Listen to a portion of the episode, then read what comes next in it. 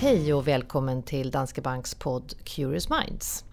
Idag kom inflationssiffror för november och det är något som många gått och väntat på eftersom utvecklingen kan vara avgörande för Riksbankens eventuella höjning av styrräntan. Enligt måttet KPIF så landade inflationen i november in på 2,1 procent. Det kan man jämföra med 2,4 procent i oktober.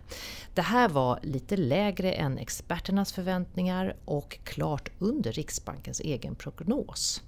När vi pratar inflation så brukar vi ha Danske Banks chefekonom Mikael Gran med oss och idag är inget undantag. Så välkommen Mikael! Tack! Ja, vad säger du nu? Var det här en nivå som, som du också hade förväntat dig, eller som vi hade förväntat oss här på Danske Bank? Ja, den här gången fick jag vara glad. Det var faktiskt eh, precis eh, spot on våran prognos. Vi låg lite under marknaden då.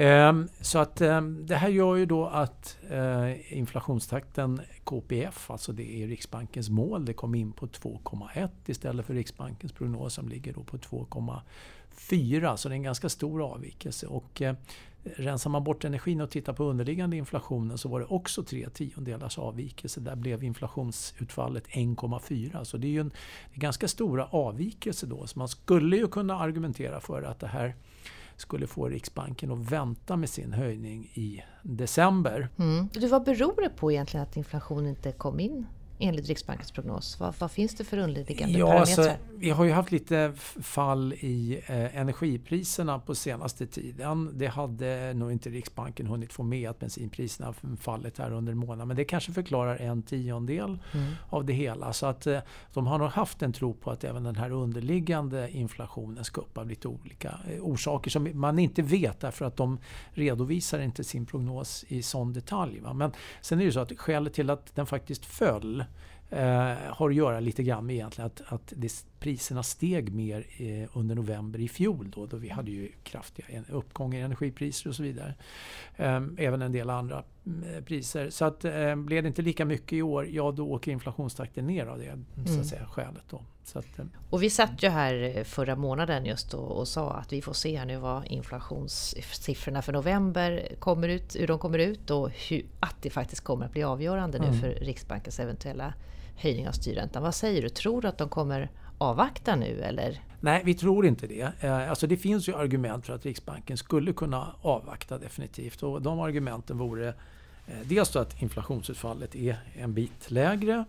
Sen skulle man kunna peka på att vi har stor osäkerhet i världen. Eh, jag menar vi har det här Brexit, vi har eh, det som händer i Italien och Frankrike nu skulle man kunna börja peka på. Eh, och så vidare, handelsstöket mellan, mellan USA och Kina. Och sen sist men inte minst skulle man kunna peka på att vi fick även en väldigt svag ehm, eh, BNP-siffra för Q3. Riksbanken hade en prognos på, om jag nu kommer ihåg rätt, på 2,5 och den blev 1,6. Så även där finns det argument.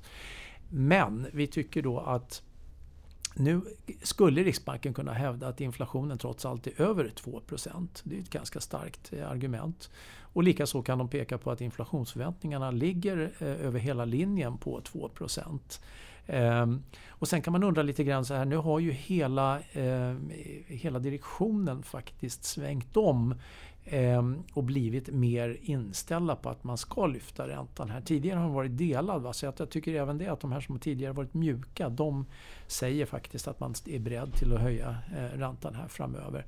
Så det, det, det, är också ett argument. Har marknaden också prisat in det här i förväg eftersom man har diskuterat det så? Ja, det, det har man prisat in. Så att eh, i dagsläget är prissättningen ungefär 70% sannolikhet för att man höjer i december och så ligger det kvar lite grann sannolikhet för februari februari. Så där.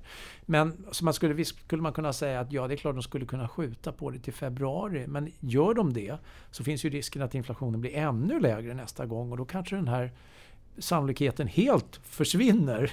Eh, och det blir ju inte så lyckat i så fall. Eh, däremot uppfattar vi som att det är ytterst tveksamt om, om de nu höjer i december. Um, att de skulle höja en gång till i sommar därför att där pekar våra inflationsbanor ännu lägre. Då. Så att det blir, det blir, det blir, de kanske bara blir en höjning och sen uh, är det slut. Ja, så, så ser det ut i dagsläget. Men du, om man tittar också lite på den politiska turbulensen som råder mm. nu i Sverige. Det pratas ju just nu om en eh, moderat och en eh, kristdemokratisk budget. Kommer det på något vis att lägga några hinder i vägen? Ja, det, det, det är två sidor eh, av myntet där. En är ju att det här ger ju lite extra stimulans då. Eh, ungefär 17 miljarder eh, i reformer är det som, som eh, ligger i korten där. Och, och, så det ger lite extra skjuts åt ekonomin kan man säga. Det är ju inkomstskattesänkningar och pensionärerna får lite sänkningar av sin skatt och så vidare. Eh, så det skulle kunna driva på tillväxten lite grann. Men å andra sidan ska de ju ta bort eh, flygskatten. Mm. Eh, och de ska ta bort den här eh, så kallade överindexeringen av, eh, av bensinskatten. Då.